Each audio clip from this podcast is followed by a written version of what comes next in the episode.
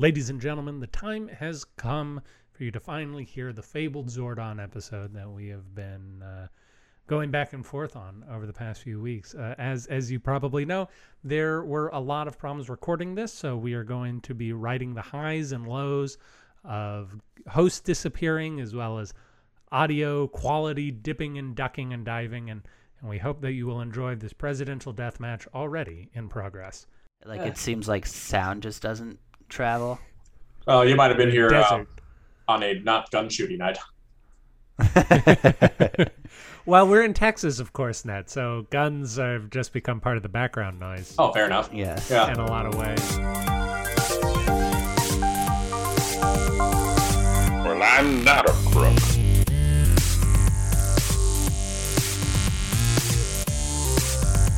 But because they are hard. Welcome to Presidential Deathmatch, the only presidential debates that matter. Today's headline Don't Eat Another French Fry, increasingly arcane references, and the tube of the 1860s.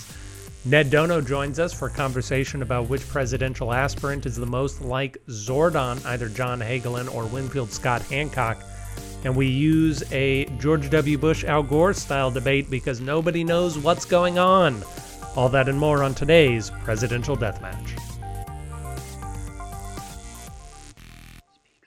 Well, luckily, none of us have been hit by a car in Albuquerque. Presumably, Ned Ned might have been. Uh, but welcome to Presidential Deathmatch, the only presidential debates that matter. Uh, the show that keeps on taking, but you love us anyway. Dennis, how are you doing this week? I'm all right. That's good. That's good. And we are joined, finally, by the most special guest that we've ever had on this program, Ned Dhonau. He's eating a french fry, so I need to continue to vamp. But Ned, And don't eat another you- one. Don't eat another one because I'm trying to throw it to Ned. How are you doing today? It's Oh, not so I you should don't I shouldn't be eating. well, no, not you eventually you'll be able to eat again, but not during the introduction. Oh, okay. See how it works. Hi.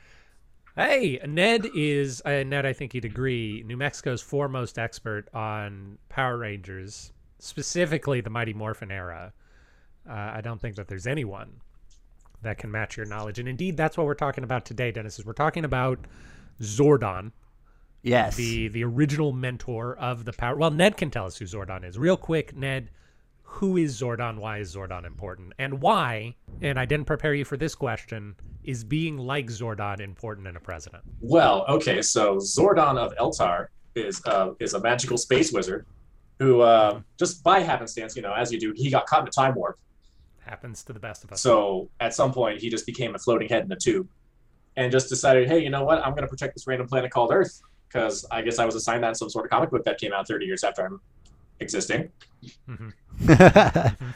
And uh, yeah, I guess uh, I guess what we'd kind of be focusing on today would be uh, how how one can assemble a team and how willing one would be to uh, sacrifice oneself for the good of the galaxy by means of a man in spandex with a um, spiral saber. the spiral saber. Uh, you don't see a lot of spiral sabers in America, but I still think it's important that our leaders are ready to unleash uh, a wave of their own energy Yes, in order to accomplish. yes, of course. Um, those are weapons of KO-35 military. Yeah, naturally.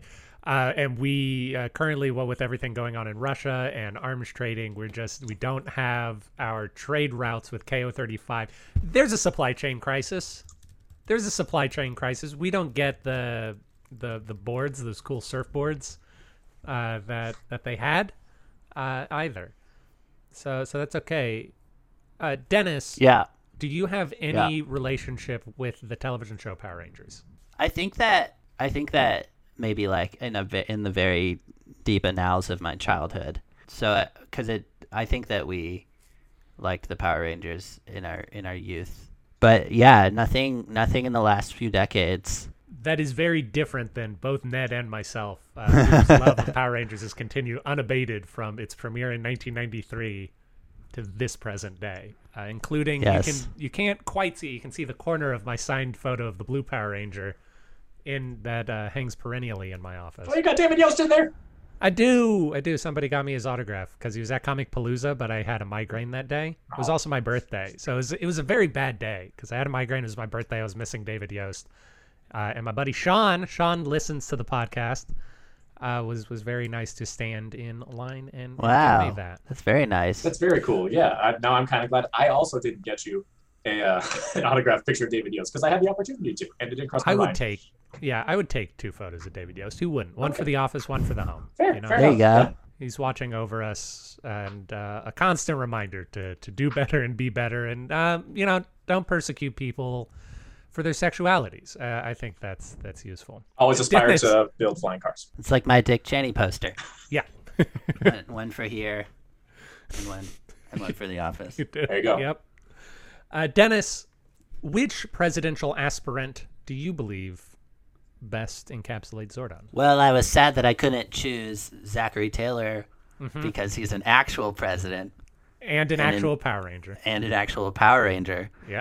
But maybe that would make him extremely not fitting for Zordon. Right. so- He'd be a great Black Power Ranger. Right. I was going to guess the black one. Yeah. He can use an axe, and uh, surprisingly for axes, he can turn that axe into a gun. You don't see that all the time. It's pretty stellar. Yeah. That is stellar. It- this podcast is going to go off the rails very quickly with how Power Rangers esque Ned and I will get with each and every comic. But Dennis, please, you have the floor. Uh, I chose today John Samuel Hagelin, Mm-hmm. known more for his transcendental medita- transcendental meditation stuff than for running for president. He was born in 1954, and he's still alive, so he's 68 today. He ran in the Natural Law Party. Happy birthday, John. Uh, um, and the Natural Law Party was something of his invention, Mm-hmm. uh, and like a group of other transcendental meditators to uh, try to be, be get a president. And he ran in 92, 96, and 2000, and then supported someone else in 2004, and then the party was disbanded. Yeah. Yep. He, Yeah. uh, and, yep. I mean, that's really Transcendental meditation. Uh, I think Yeah. that, that's a pretty solid, pretty solid base from which to build an argument. I'm going to be talking to the man who has surprisingly become the MVB of this season of Presidential Deathmatch, Mr. Winfield Scott Hancock. Oh my gosh. Yeah, finally we The day has come. we put the spotlight on Mr. Hancock. Born in 1824, died 1886. Uh, so he was approximately the same age that John Hagelin is now. He ran against James Garfield in 1880, narrowly losing that contest. We'll, I'll find a way to talk about that. And uh, I, I think he would make a good Zordon because uh, he was an able-bodied commander. He often uh, he did put himself in harm's way for the benefit of his team, and he was especially notable for inspiring uh, ragtag groups to great success. Uh, yes. very similar to Zordon's mission to find teenagers with attitude. And and uh and John Hagelin's mission To find teenagers with attitude? to to get people to do to do yoga hops. Yeah, very similar. Very similar things. Fighting in the Civil War, yoga hops. Uh, Ned, before we begin our discussion, we of course have to visit the retraction box. I sent you the retraction box a little bit early. If you could just open that up for me so that we could see inside of it.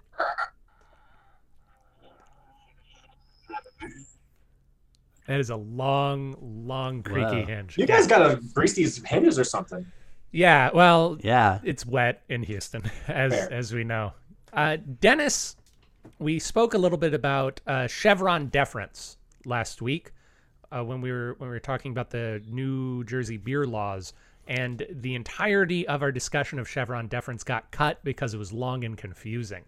But since I mentioned it, I, I do want to try and circle back around and tell people what Chevron deference is. Ned, if you had to guess what Chevron deference is, what would you say it is? Some with oil. Indeed, indeed. Very good guess. Chevron deference is a judicial mindset that the Supreme Court has asked courts to, to use when considering whether regulatory bodies' uh, rules are well founded. Uh, basically, the idea is that if Congress has deferred authority to, say, the EPA or the Department of Education, then uh, the the justice system, the courts, are supposed to give broad deference to the rules that they make, even if those rules might be um, strange or otherwise unconstitutional. Writing for the the majority in Chevron USA versus NRDC, John Paul Stevens wrote, First, always, is the question whether Congress has directly spoken to the precise question at issue.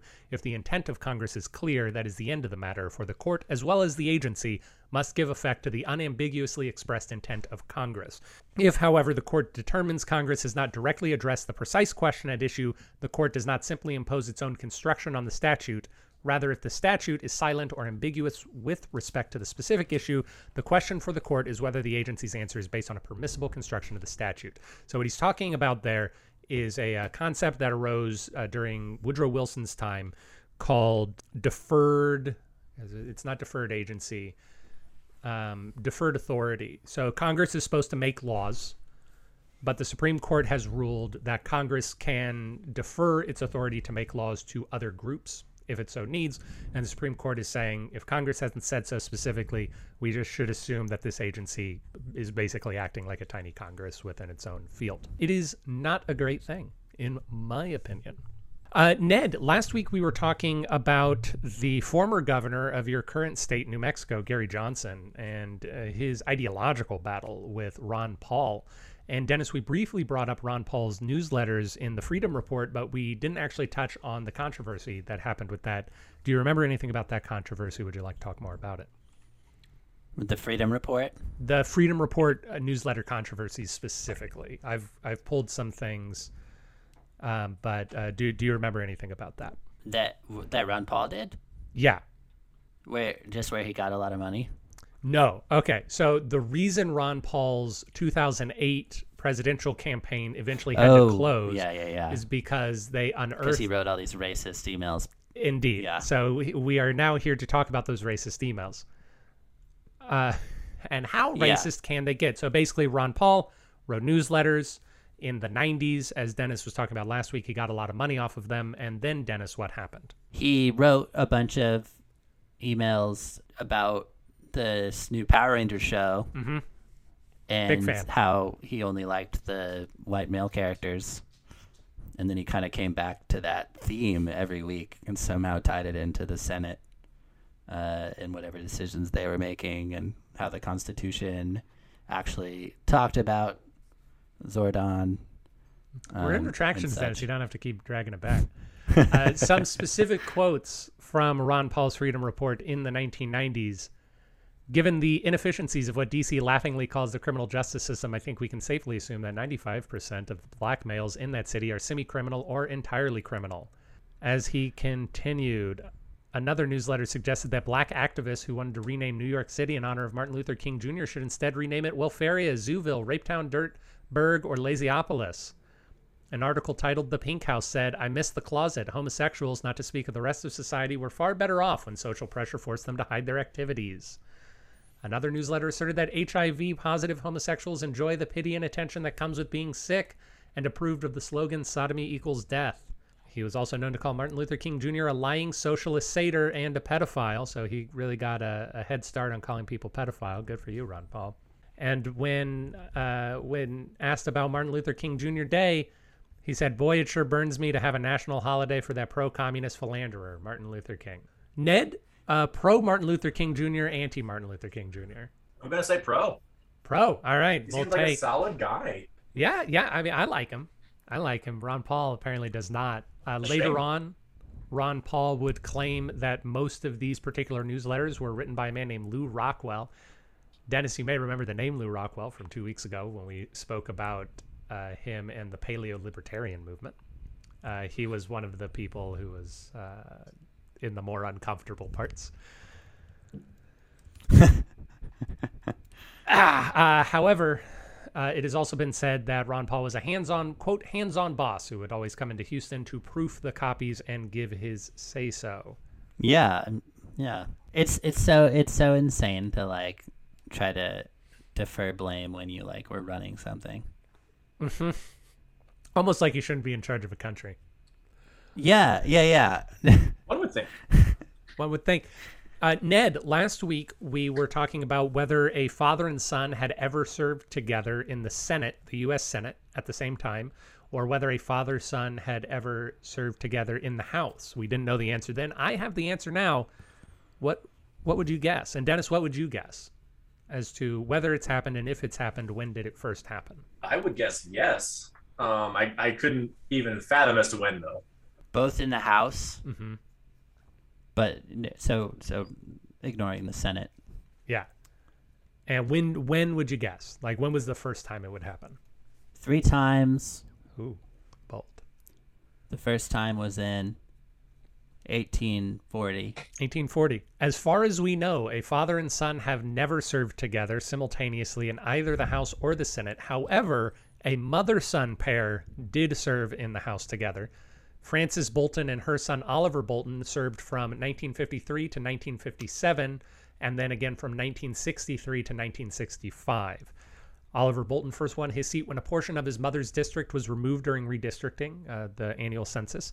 Then he chose not to run for a third term following a heart attack before returning to his old seat in 1963 and finally losing his reelection bid during the year that Lyndon Johnson wiped the floor with Barry Goldwater. Both of the Boltons were Republicans. Uh, I looked into Frances Bolton, and she was a pretty cool woman. She was the first woman elected to Congress from Ohio. She served for 29 years until she was finally defeated for reelection.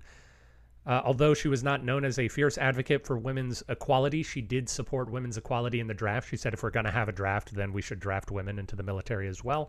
And she said uh, we should desegregate nursing units because nursing units were all female and all white.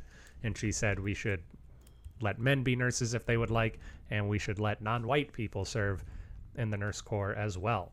Uh, in addition to the Boltons, three brothers served in the House simultaneously, all representing different states from 1855 to 1861. Israel Washburn Jr. Uh, represented Maine, Elihu Brown Washburne represented Illinois, and the very cool named Cadwallader Colden Washburn represented Wisconsin. They had a fourth brother, William Washburn, who represented Minnesota from 1879 to 1885, but he did not represent it at the same time as his brothers did. In addition to that, two sisters served in the House simultaneously, both from California. Loretta and Linda Sanchez served uh, from 2003 to 2017. Loretta Sanchez chose to run for California Senate in 2017, losing to someone named Kamala Harris. Do either of you know a Kamala Harris? I can't say I do. That No. sounds like a made up, made up. it, it does sound like a made up name. Uh, Linda Sanchez continues to serve in Congress to this day, and she's currently the vice chair of the House Democratic Caucus. Now, here's the exciting one another quiz question for you. What is the longest continuously serving family in the House of Representatives? And who are they? The Bushes? The Bushes. Uh, this is continuous, Dennis. So the Bushes haven't had someone in Congress for a little while. So they're still in Congress. Is that what Yeah, saying? well, yeah, uh, basically from the first moment that this person entered, there's always been a member of this family in Congress until that wasn't true anymore. And who is that true of the longest? no say. Um, I mean, I don't want to say the Kennedys. Uh, you, it, uh, the Kennedys would not be correct. The Dingell family of Michigan, Oh, the Dingells. the Dingells, I should have known. representing. That sounds made up. They have been representing the same portion of Michigan for 90 years currently. Currently, Let me guess, it's Kamala Dingell. Kamala Dingell. In 1932, John Dingell started serving a particular the Ann Arbor area of Michigan. He died in 1955, and his son John Dingell Jr. won a special election. John Dingell Jr., who is the longest-serving congressional member in U.S. history, was in that seat from 1955 until 2015. Once he retired, his wife Debbie Dingell ran for that same seat and got it, and she currently still holds that seat. Yeah, crazy. Sounds tiring. Yeah. it, it, it does indeed. Sounds exhausting. Uh, Dennis, I sent you a text message this weekend, an image. Do you remember what that image was? It was of uh, Woodrow Wilson. Mm-hmm. Uh, well, it wasn't of Woodrow Wilson, but it was of a Wilson rel- related thing. Mm-hmm. It was the paper with the headline that he died. That is true. It said Wilson dead, 11:38 a.m. or whatever the the actual time was. Eleven fifteen. 11:15. Uh, I visited the National Funerary Museum this weekend, and they had an entire exhibit on presidential funerals. And so I got to see Ned. You're going to be very jealous. I got to see the embalming machine that embalmed Harry Truman.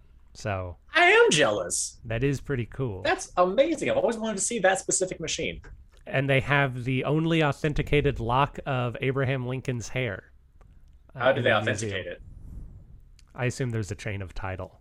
They had a whole thing. I wasn't interested enough to read the whole. How did we get this piece of hair? Well, you gotta check their work, Aaron. Otherwise, they're just making stuff Yeah. up. That's true. Like the. Authentication's usually how you unlock things. So it's weird to have an authenticated lock. Mm. But it's But uh, it was a cool museum, and I recommend anybody in the Houston area go out to the funerary museum. You, they've got uh, newspapers from George Washington's death. Surprisingly little news coverage. They have a lot of artifacts from George H.W. Bush's funeral, unsurprisingly, because it was held in Houston. They've got a whole thing on Kennedy's funeral and uh, all all kinds of stuff. A lot of newspapers, a lot of uh, train models of the trains that took various presidents' corpses places. that's wild. Yeah, it is a fun time. I actually had a professor in college who was in Dallas. Where I think he was an intern at uh, WFAA when Kennedy got assassinated. Oh wow, Whoa. So that's how he got his start in the career of Yeah. of, Wow. of uh, broadcast. Yeah, did he say anything more about it? he said it was a crazy day. I bet. yeah. Ah, jeez.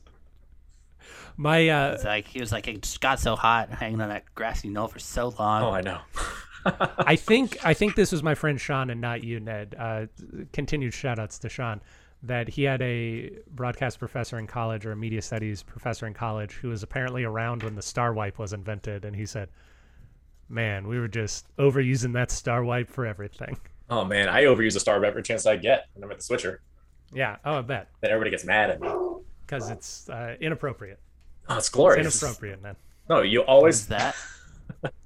uh, star wipe is when you uh basically you know like a circle wipe when you're watching a movie and it like either opens up or closes out in Oh, a circle. yeah, yeah, yeah. it's that, but a star. But It's like a star. five pointed star. It's hilarious. And It's as Aaron said, mostly considered inappropriate at any the given time. Comic Sans of wipes. It really is. Yeah. Have they ever um, used it in Power Rangers? Almost certainly. Uh, you could you could count uh, they use a star effect a lot in Zeo especially Yeah. because yeah. they, they had a uh, they had a ranger whose visor was a star. Mhm. Oh yeah. Zeo Ranger 5, as as we all know. Tommy Oliver, man. The Tommy legend. Oliver. But we're not here to talk about Tommy Oliver. We're here to close the retraction box because, of course, Presidential Deathmatch regrets the errors. Ned, would you mind closing that retraction box for us? Oh, me, right. yeah, yeah. no, Wow. don't. Ooh, that was It just- quick. Wow. Yeah, dang. Gravity's a killer. It's because it's in Albuquerque now. It's all that moisture got. Yeah, I got Sucked sucked out out of of it. Wow. Thought I found my people need to go to WD-40. Albuquerque. Yeah. Speak softly. Power Rangers, Nan Zordon. Uh, you've given us a brief primer on the Wizard of Eltar.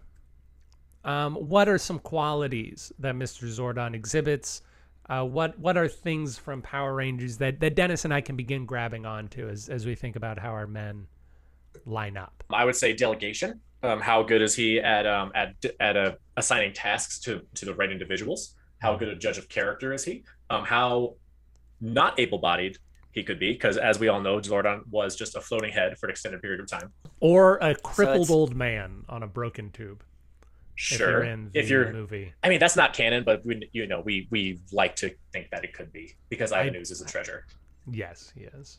And Which him being a frog. which uh which movie is that from? That'd be the first movie from what 1996, five. And a pretty cool skydiving scene. I think that Yeah. skydiving scene holds up. It, it really does. Um, it, it doesn't hurt that they have Red Hot Chili Peppers just blasting away. No. really. Yeah, it's great. It's phenomenal. awesome.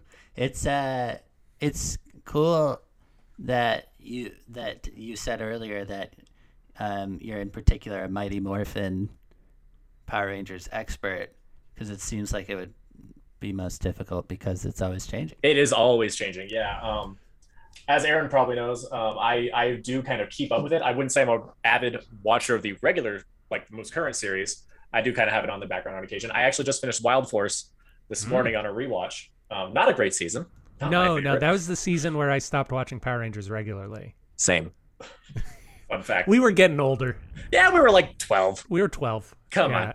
I got, we're, we're They moved from Fox to ABC. A lot of stuff was happening that It was it was a rough time. Uh, but Forever Red, that was the peak of the series. It was the 10th anniversary special where all the Red Rangers came together. Yeah. But um, what were we talking more. about? Every anything and everything. Uh, how It's Power in- Rangers is always changing. Yes, Power Rangers is always changing, as indicated by so many Red Rangers, visors, And you know- dinosaurs. What else is always changing? The career of Winfield Scott Hancock, a man who went to West Point, did not distinguish himself well, and uh, was a brevet lieutenant, and he just kind of bounced around a lot of positions uh, over over the years. He he started as an infantryman. He was around Kansas during Bleeding Kansas. He was in Utah for the Utah Wars. War followed this man around a lot. Suddenly, the Civil War breaks out. Uh oh what are you going to do? Get your ass back to Washington, Hancock. We need you to train a group of uh, misfits and volunteers from Ohio. That's probably not true. Let me actually look what state it is. Uh, you've got to uh, train. No, I didn't write down what state, but you got to train a volunteer force not many people like that. He gets that force into fighting shape. He starts rising through the ranks, distinguishes himself at Gettysburg. That's cool. Kills a lot of men at Cold Harbor. That's not as good. The war ends. What are you going to do now? You're sent back out west to Kansas again. You start a war, Hancock's War. We'll talk about Hancock's War later, I'm sure. Andrew Johnson says, You're just the kind of man we need to be the military governor of Texas and Louisiana. He gets back over there, says, Listen, I don't want any part of this reconstruction. Andrew Johnson says, That's fine by me. All the white Southerners are like, This is great. Republicans say, I don't know about this. Maybe we should have a firmer hand since they're racists. And Hancock says, No, they're peaceful, though. Ulysses S. Grant doesn't like that. He sends him to Michigan. He starts another war up in Michigan with the with the Sioux. Eventually, he ends up in New York as uh, commander of the Atlantic Division. But but hey, he's traveling around. Everything's changing. Everything's changing for Winfield Scott Hancock. Wow. Wow, indeed. What was the what was the initial claim there?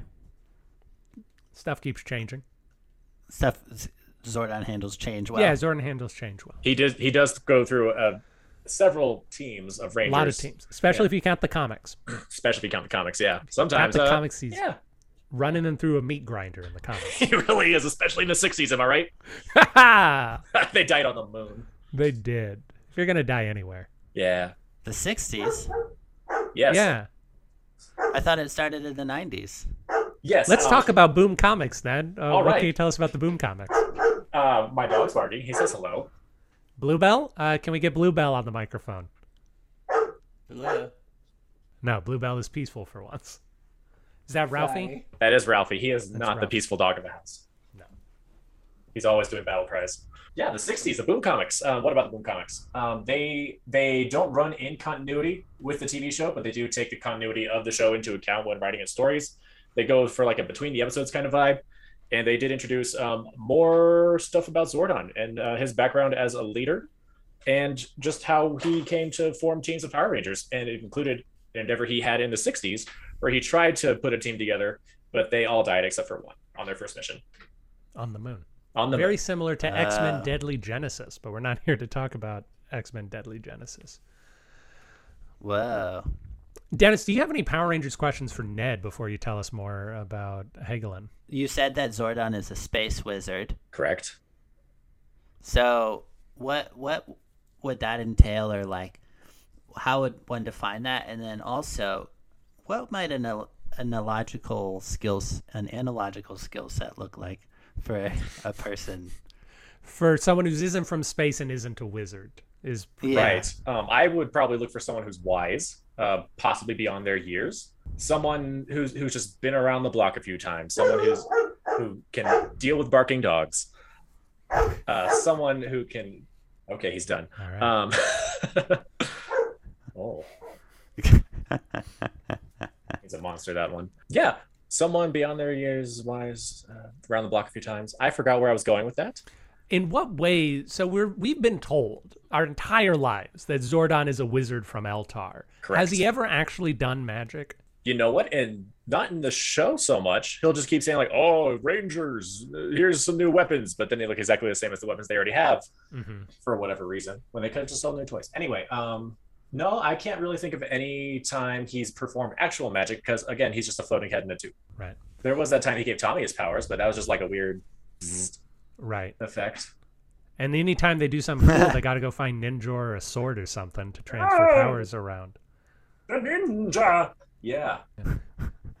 you know what? Yeah. Uh, he's he's never Zordon has never seemed to be one to perform magic himself, but has instructed them to seek out artifacts or others to perform the magic. In a lot of ways, he's a referral wizard. Yeah, he's he's very resourceful. He knows a lot of things. He's like, hey, go go go down there if you want to go do that thing. Also, I'm telling you to go do that thing. So uh, it reminds me of uh, someone. Oh, um, it reminds me of John Hagelin, who Crazy. Who'd have thought? uh, who uh, ran with the Natural Law Party in the '90s, which is when Zordon came around. Wow.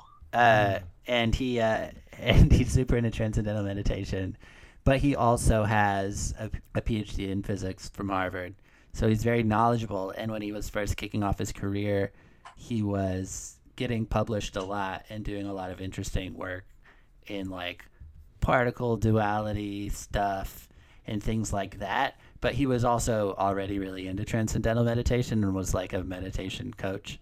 So he was always on this mission to connect it to like connect physics to the concept of consciousness. So it, Sounds very wizard-like. it's very it, it's it has a very uh, wizardry feel and also very like space and like very goodness and like because they're very culty so it's like very like love everyone and uh, i'm kind because i'm better than all of you kind of thing that i feel like has a zordonish kind of vibe That does sound like Zordon. He is very much I am better than you in all things, except for having toes. And honestly, I do So want my leader to have toes. Not Sure. unlike Winfield Scott Hancock, who, while he did manage to keep all of his appendages, very frequently got uh, a lot. Actually, no, that's not true. He died of uh, complications from gout affecting his foot. Oh And- no, he lost diabetes. some toes. But that was right at the end. That was right at the end. But he still lost some toes. He did, not dissimilar from Zordon, suffer a major gunshot wound during the Battle of Gettysburg, which uh, largely forced him into more of a desk job for the, the rest of his career. Not unlike the the the the, the desk job would be the tube of the 1860s, I think, and 70s. Ah i read an interview with the guy who played zordon in the original show oh, David Fielding. yeah. Nice. and it was, talk- it was talking about how the original show was low budget but very but very well thought out so he like he recorded all of his lines like with them filming his face on on one in one day and like didn't meet some of the power rangers and uh and then that a lot of i guess the original show is like japanese footage Correct. Uh, they they adapted footage from uh, so all sorts of tokusatsu shows, which is just like you know your Super Sentais, your Ultramans, your your Metal Hero. It's so awesome because it's it.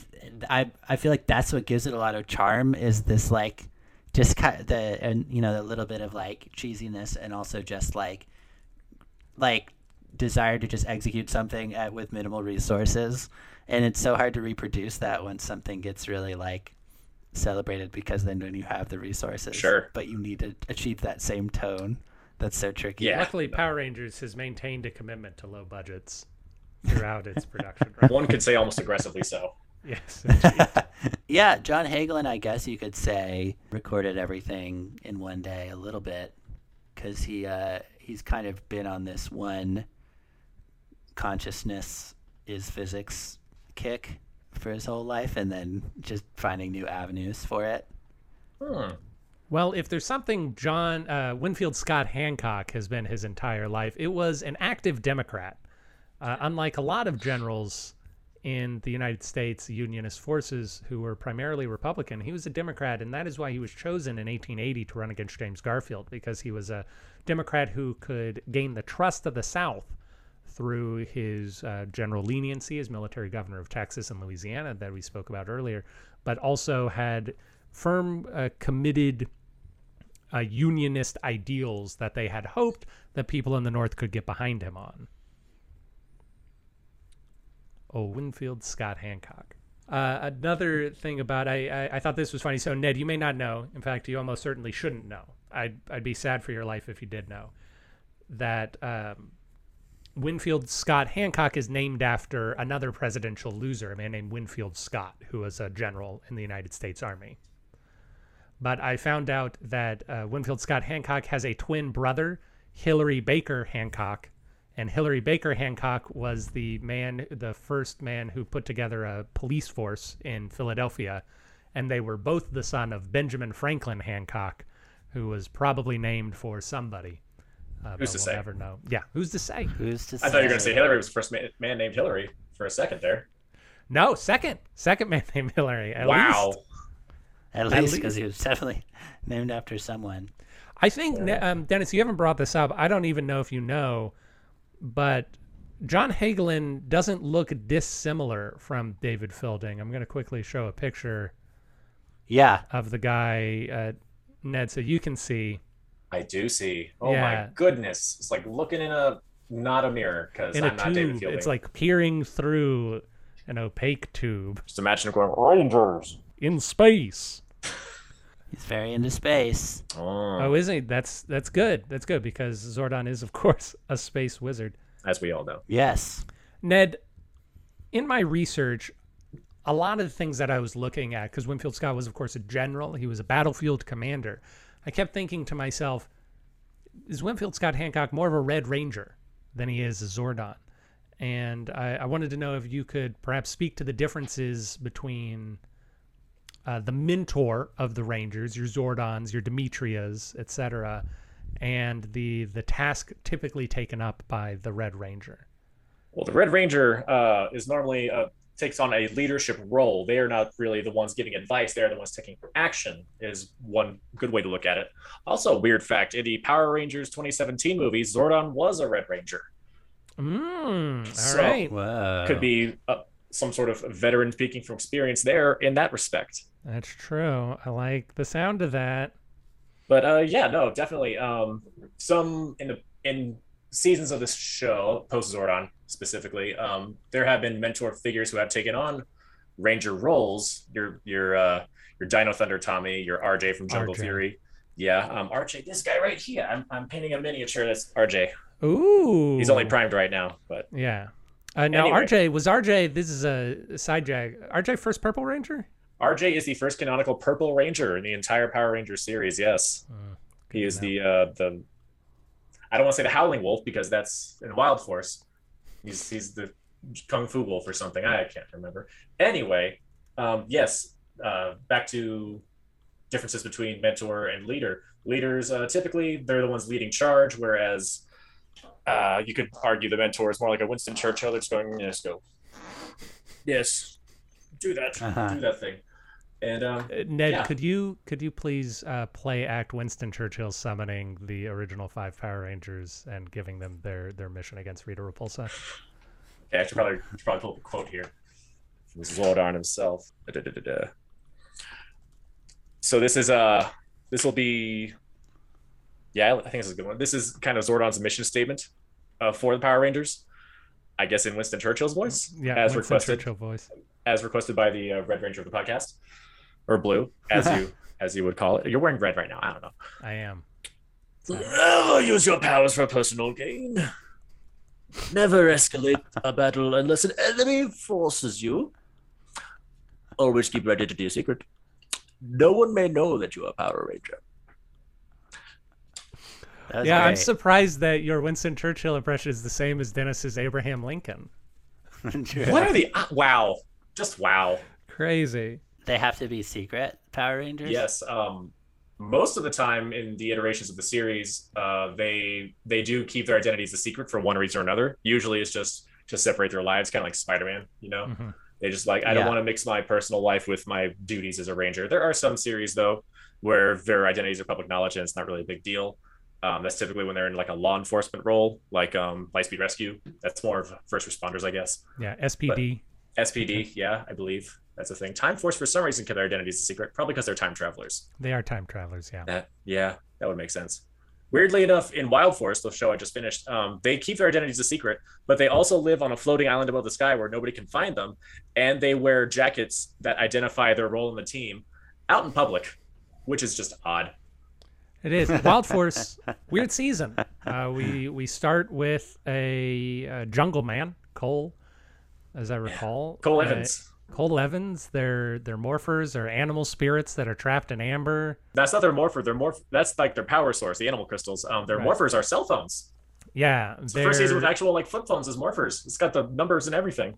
Mm, uh, I'll have to correct you there. Obviously, Zane, the Silver Space Ranger, is the first ranger with a cell phone morpher because we both played around with our That's toys correct. a lot Yes. as children. Yes, that's true. He even used it like a cell phone, and he's like, did. yeah, yeah. Yeah. how could I miss that? Anyway, that's what Linkara said. I'm sorry. Linkara says that was the first season with cell phones. All right. Well, Linkara's not our expert on Power Rangers around here, is he? You are. I guess so. I'm gonna have to pick up my bootstraps. Get this get this trivia correct. Mm. I apologize for the error. Wow. That's it- something we can get Apologize till next season. Yeah, until next episode. or next episode. Sorry, Oh, I'm sorry. Uh, well, I won't apologize for that mistake either. uh, let's. oh, did we lose Aaron? No, no, oh, I don't think so. I Oh. think I'm still. No, we did lose me. Oh no. Aaron Oh, is no. frozen in laughter. Is from what is what I'm saying. Okay, we can still hear Ned. Which is nice for me because it makes it seem like he really thought the joke was Yeah, funny I can see that.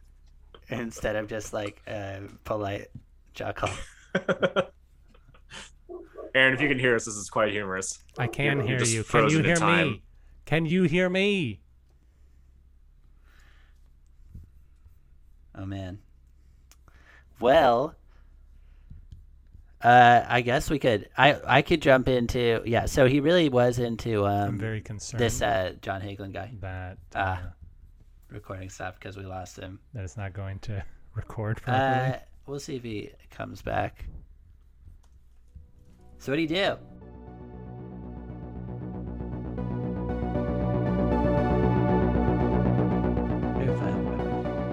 Ah, there you go. I have the power to record. I should have been doing that go. this whole time. Whoops. Well, that being the case, I'll say we lost Aaron. And so now it's Ned and I, and we're talking about space when we got to we got to know each other a little bit. Yeah. But uh I'm trying to because I feel like I made this claim that John Hagelin was into space, and I'm trying now to figure out how to back it up most effectively. You're trying to make sure you didn't make Yeah. it up. Uh, oh, I I was probably thinking of his paper on supersymmetric relics from the Big Bang. Ah. So Big Bang seems Huh. like the sort of thing that like would fit into a uh, Power Rangers mythos in some way or another. Sure. And his oh his other paper, weak symmetry breaking by radiative corrections in broken supergravity. Whoa. I mean, That's pretty wild. yeah. So he got it's it really makes you wonder because he got pretty renowned as a physicist, and then he started writing these papers about um like how physics could be and consciousness could be used to explain how it is that great yoga masters can levitate and Sure. stuff and people were like what no they can't and, and so then he kind of lost um, any credibility and people that he'd been doing physics research with were like can you stop like mentioning us? Stuff You're giving us a Uh, bad name. yeah but it's because he believed. So uh, and he still does. It's it's in a way it's like an admirable um i listened briefly to an interview of his and he was saying that in hi- uh, that i'm getting a call from aaron now Okay. hello Hey, dude. How you doing? good Uh, so I tried rejoining a second ago. I'm trying to rejoin again. Uh, but I'm thinking that my internet's just not going to work for the rest of the night. Oh, Alrighty. It seems like maybe the meeting's still recording. I, t- I started recording after like a minute. Excellent. Um, could you try and uh, wrap up with uh, Ned and give a? It sounded like you were talking through Hagelin's papers when I logged back in. Yeah, it was riveting. Yeah, I'm sure. Um, could y'all um, just just do a quick coda on on Zordon, on Power Rangers, on Hagelin, uh, and then we'll try and cobble it all together, and then hopefully the first part of the meeting also recorded, uh, and we didn't lose all of that Yeah, we'll see. stuff. Yeah. Okay. uh, and then I'll probably record something about Winfield Scott Hancock right at the end of it. Uh, and I'm about to call Ned and apologize as well. He I can hear you. Yeah, I put you on speaker so he can. Okay, Ned, I'm very sorry that the episode's ending this way. Uh, Ah, it's but okay. It's very fun, and I'm looking forward to seeing you next week. Yeah, same, bud. What? You guys are hanging out? Yeah, we're both going to Colorado for a wedding. What? Yeah, Yeah. are you going to Colorado for a wedding next week? No. Apparently, it's the hot, it's the new now? hotness. Huh? Are you now? Now that you know, are you going to fly out Uh, to Colorado? Find a wedding to crash. Be determined. I'll try. All right. Uh, sorry, guys. No right. worries. See you soon, All bud. right, talk to you later. Okay, so that was Aaron. he uh he said that he felt that Winfield Scott Hancock wasn't working and he should concede. So John Hagelin wins by default. I guess so. It's the only choice I have now. Yeah. Um, but yeah, what so in in summation on all things Zordon, I'd be curious. What do you think is in Zordon's future? And what yeah. Well, Zordon's dead. Okay. so he doesn't have much of a future. Um, if we're talking comics, though, I mean they're they're doing a lot with his backstory in those Boom Studios uh, Power Rangers comics, and uh, hopefully it gets exciting. We've seen him uh, we've seen him get resurrected in some way in a robot body, like Iron Man style. Uh Yeah, it's pretty neat. Um, yeah, there's there's pl- there's plenty of places they could go with the comic books, but yeah, in the show proper, he's he's gone. He's very gone. I was reading about the uh, most recent movie, 2017, Mhm. uh, and which had mixed reviews. Correct. Most of Um, them from me. um, but Zordon was in that, right? Because it was kind of like a reboot of the, or it was like the pilot, the story He- from the pilot. Correct. Yeah, it was um this it was like the story from the original uh series, but dark and gritty. And uh yeah, uh he was also he was in that. Um he was much more of a stoic, angry mentor figure who was trying to take charge, but he couldn't because he was stuck in a wall. Oh, Yeah, instead of a tube. but yeah, Bryan Cranston played him though, and he, he gave a pretty fine performance. Bryan Cranston, who I think maybe when we were not recording, we learned uh, you were a big fan. Yeah, yeah, Breaking Bad. Uh, he was actually uh, my wife and I went to a Isotopes baseball game the other day, and uh, he and Aaron Paul were there doing Ah. a fundraiser. Yeah. Does he? Oh, doing a fundraiser because he doesn't live there, does he? No, um, they were doing a fundraiser, um, selling off some of their old Breaking Bad collectives, collectible stuff. Fun Yeah. It was a very fun night. I bought the last cheeseburger at a stand, and I felt really badly about it. because then no one else could get one. Yeah, it was. It was. it's just a weird random anecdote not related to the podcast. Um, yeah, my wife and I we were waiting in like. Okay, so uh, for some reason the isotopes go through a couple different names uh, depending on the night in, in question or whatever. On this night that we were there, they were playing as the green chili cheeseburgers, which in itself, green chili is a staple of the state of New Right. Mexico. So um, they had uh, Blake's Lotaburger out at the park where uh, they just were serving green chili cheeseburgers. Then my wife and I, we went and got a couple beers and we're like, let's go get some burgers. This is a special occasion. And we're waiting in line for like a good, I want to say 15 to 20 minutes, just waiting and waiting and waiting. We're even making friendly with the people in line with us. Uh, just we're all just talking like, oh man, I can't wait to get these burgers, blah blah blah. And then the guy in front of us and his dad were like, okay, they're only gonna get a couple burgers, that'll be fine. But then no, they get six burgers. Oh, And as just before those guys order, somebody comes up and takes down the sign saying cheeseburgers available, saying, okay, you guys will get the last ones probably, like to us and the people behind us. But then the guy oh, because they got in front of us. yeah, they got six burgers. So then I was like, what? And my wife ended up not getting a burger. She took a bite of mine and then remembered it was spicy and she hates spicy food. and yeah, I got the last cheeseburger at that stand. I felt very badly about it. Uh, after you'd like befriended the people, you're like, yeah, we'll go get drinks next week, maybe. It's nice meeting Yeah. you guys. And then he's he's buying the burger, saying sorry, bye. And then I, I will never speak to you again because of this. Pretty much. That's Uh, fine. So they're, I mean, they must be called the isotopes now because of Breaking Bad, right? Um, there's actually um, Sandia Labs is out here. It's like an energy uh, laboratory. I can't I can't remember exactly what they do there. Um, yeah, there's that. Um, I think part of it is also due to The Simpsons and the popularity from that, because the Isotopes is also the team at Springfield. Oh, And if you go to Isotopes Park, there's actually some statues of like the Simpsons characters. really? I kind of scattered around. Yeah, it's pretty neat. And uh, there are other nights where they play as the Mariachi de Nuevo Mexico, where they're just they just like wear teal and have Uh-huh. sugar skulls on their uniforms. Wow. That's fun. Yeah. They really just mix it up. That's awesome. They really do. It's not confusing at all. Who's playing that? You want to go to the Isotopes game? No, the Isotopes aren't playing. I'm going to the Cheeseburgers night. what? Uh, so do you you like spicy food? Are do you prefer red or green, or do you go Christmas? I I'll go Christmas on occasion. Yeah, I I, I like my green chili, I like my red chili, but yeah, sometimes I'll go Christmas, especially on some some scrambled eggs. Mm, I love Christmas. yeah, So when I went to New Mexico, I was like, well, I'm going to say Christmas every time, yeah. and then found out that I think that the green one is disgusting and I hate it. so then I went red, which I can enjoy. that sounds about right. Yeah, I mean, tomato, tomato, to each their own. I, yeah, I think it is the tomato is what I what I need in there. yeah. yeah. Well, all right. Thank you so much for being on. Sorry for technical difficulties, uh, especially technical difficulties that caused us to lose our red Power Ranger because then we were just lost in space. Uh, solid, solid references. Could say we were in a lost galaxy, if you will. yes, Good meeting you. Good talking to you. I've, You it's been a pleasure being on. yes. Have a good night. You as well. Bye bye. Bye.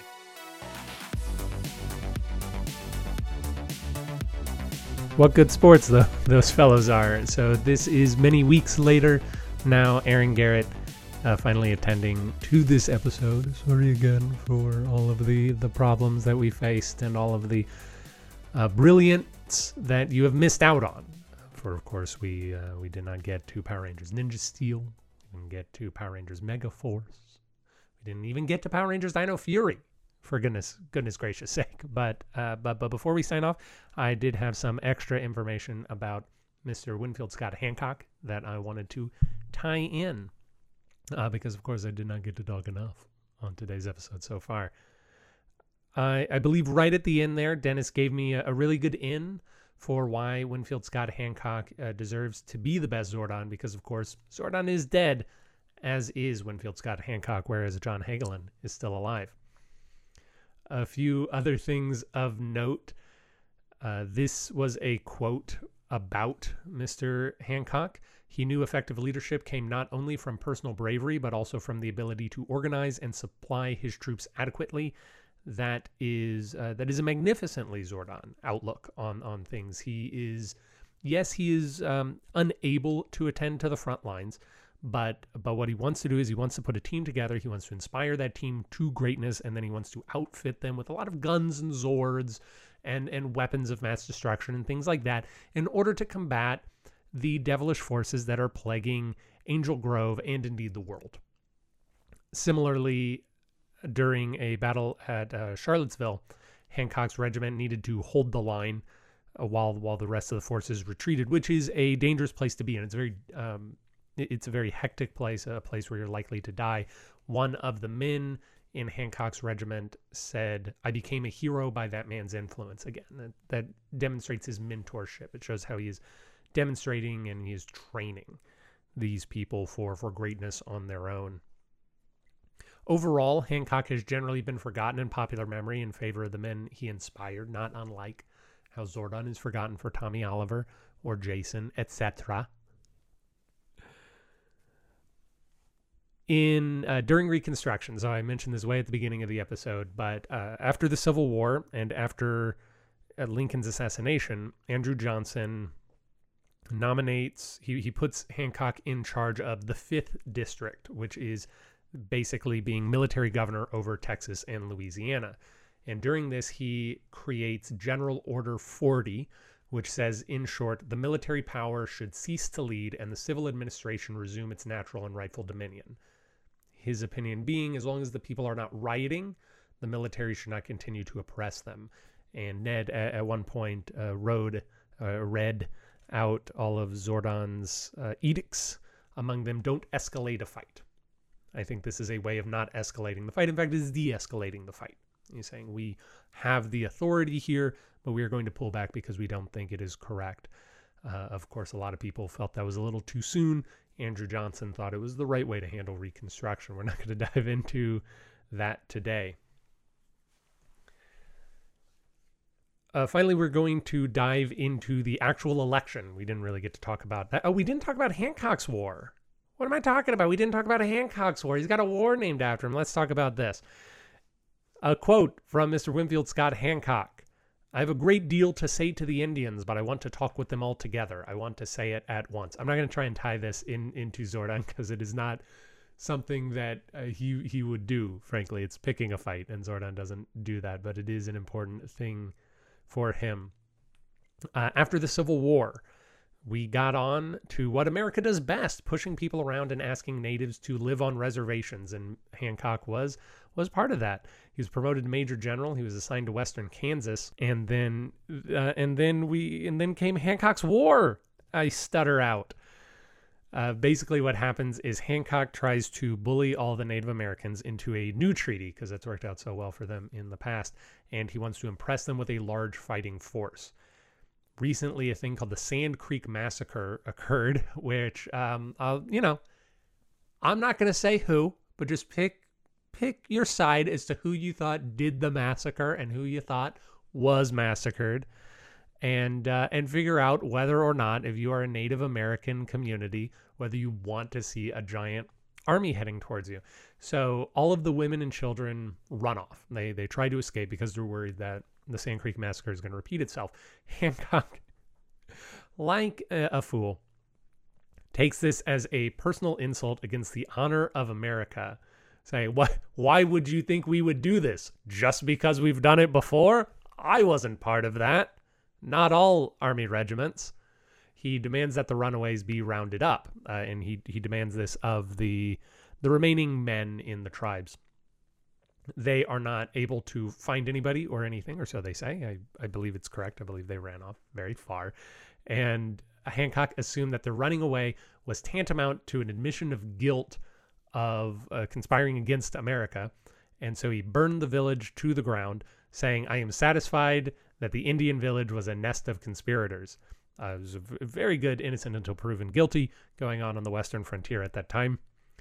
Uh, the village being burned to the ground upset a few people, and then a lot of warfare broke out for a couple of months. Eventually, Hancock is reassigned, and a little bit later, a thing called the Medicine Lodge Treaty is signed. And uh, the, the Medicine Lodge Treaty didn't last more than a year before everyone was fighting again. But this is important because the incident caused the resignation of a man named Ned Wynkoop, And of course, our guest host today, or a guest today, was, was Ned Dhonau. Ned Wynkoop was the American agent brokering for peace and this event also caused the death of uh, an, a Native American named Black Kettle, who was a man working with Ned Wynkoop trying to to curry peace. Uh, a bad a bad incident in a history of bad incidents in America, and specifically the life of Winfield Scott Hancock. Now we are on to the election of 1880. So in the election of 1876, which is ultimately going to go uh, to Rutherford B. Hayes and Samuel Tilden, Winfield Scott Hancock gets some electoral votes at the Democratic National Convention. This is kind of unexpected for him, and he begins to consider a future in politics. He considers it even more after in 1877 he is responsible for sending a military presence to call the railroad strike, although he does this at uh, upon the orders of President Hayes, which is after the election of 1876. And Winfield Scott Hancock is in a particularly interesting place in American politics because he is a lifelong Democrat. He is also a lifelong Northern Democrat, and he fought for the Union in a very open way. And so he's a man that you cannot accuse of not being a unionist, of saying that he fought on the wrong side of the Civil War or that he didn't do enough to help America in the Civil War. So he's he's a big guy. Uh, the Democrats want him. Uh, in addition to that, though, 1880 is a weird race partially because of how contentious 1876 had been, because uh, as you recall, 1876 was probably our most contentious election in the history of our country. And one of the big issues for the policy, um, for the populace was monetary supply. Now, uh, as it happens, Andrew Stout in last week's episode, which of course was recorded many weeks after this week's episode, talked about James B. Weaver, who was for the Greenback Party, and the Greenback Party was all about monetary supply. So Andrews primed you a little bit to understand the issues at stake. But in short, you had the gold standard versus the silver standard versus greenbacks and the gold standard was the gold standard and the hard uh, the, the gold standard and the silver standard my apologies are hard money. This is a currency that is backed up by america owns a whole lot of gold or a whole lot of silver. And this paper money that you have represents a certain amount of it. And that causes a decent amount of deflation over time uh, or rather, the silver standard causes deflation over time, which is great for farmers. We talked about that many episodes ago. Then you have the greenbacks. That's James B. Weaver, Andrew's candidate from last week. The greenbacks are essentially what we have now. It is not hard money, it's not backed by anything.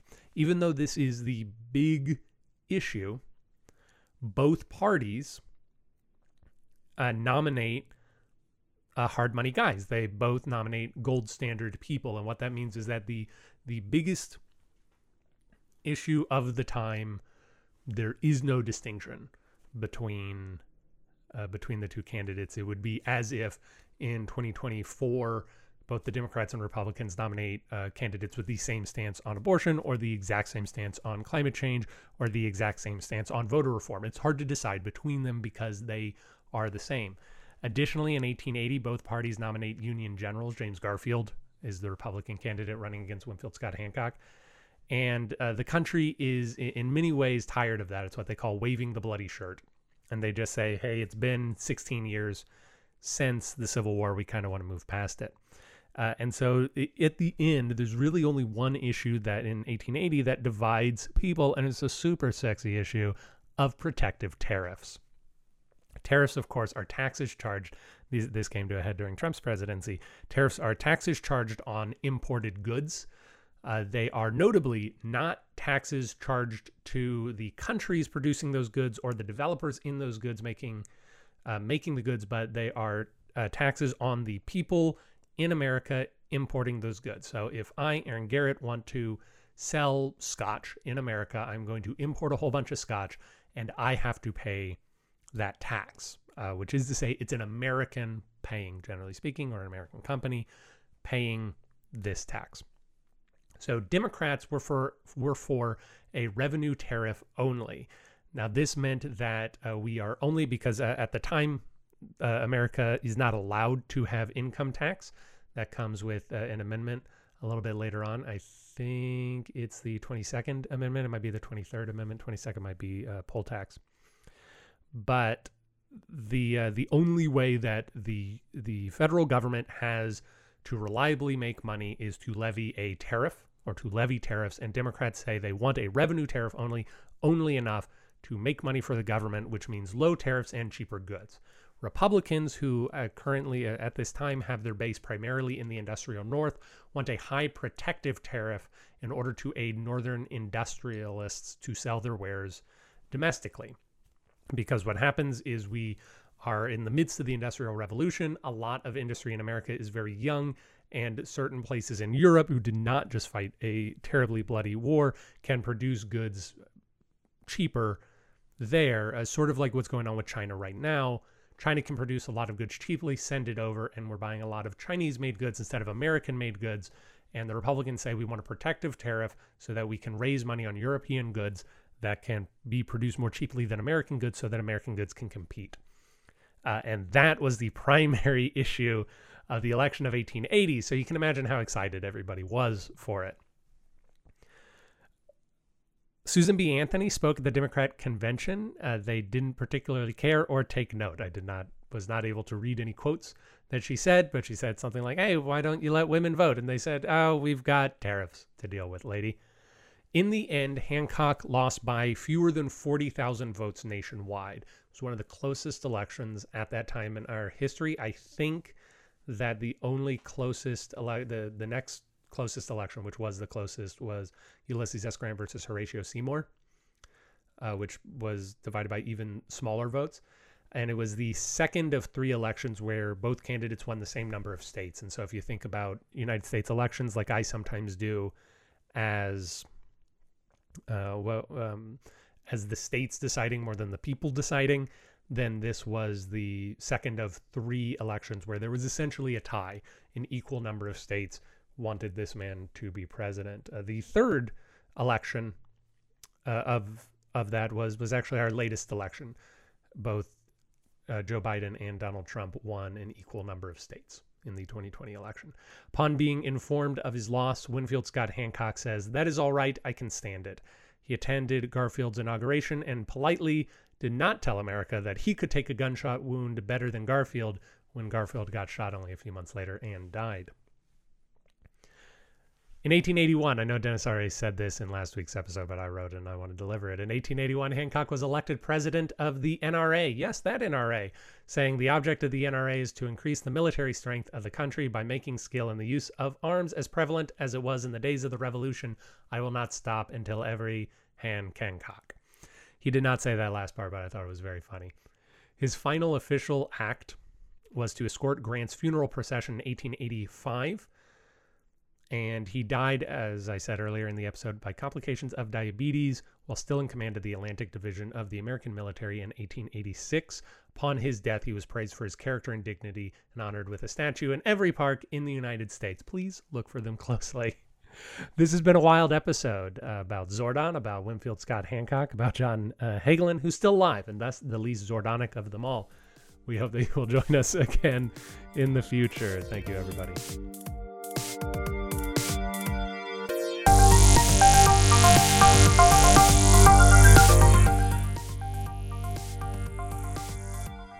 Thank you for listening to Presidential Deathmatch. Presidential Deathmatch is hosted by Aaron Garrett and Dennis Buddy and edited by Aaron Garrett. If you like the show, please consider giving us a review wherever it is. You can do that, we'd really appreciate it. If you didn't like listening to the show, well, why don't you come on back and give us another try? We really grow on you. If you want to reach out to us, you can do that at contact at pronoiatheater.com. You can also support the show in a variety of ways, including at pronoiatheater.com slash store. We hope you enjoyed it, and we hope to hear from you soon.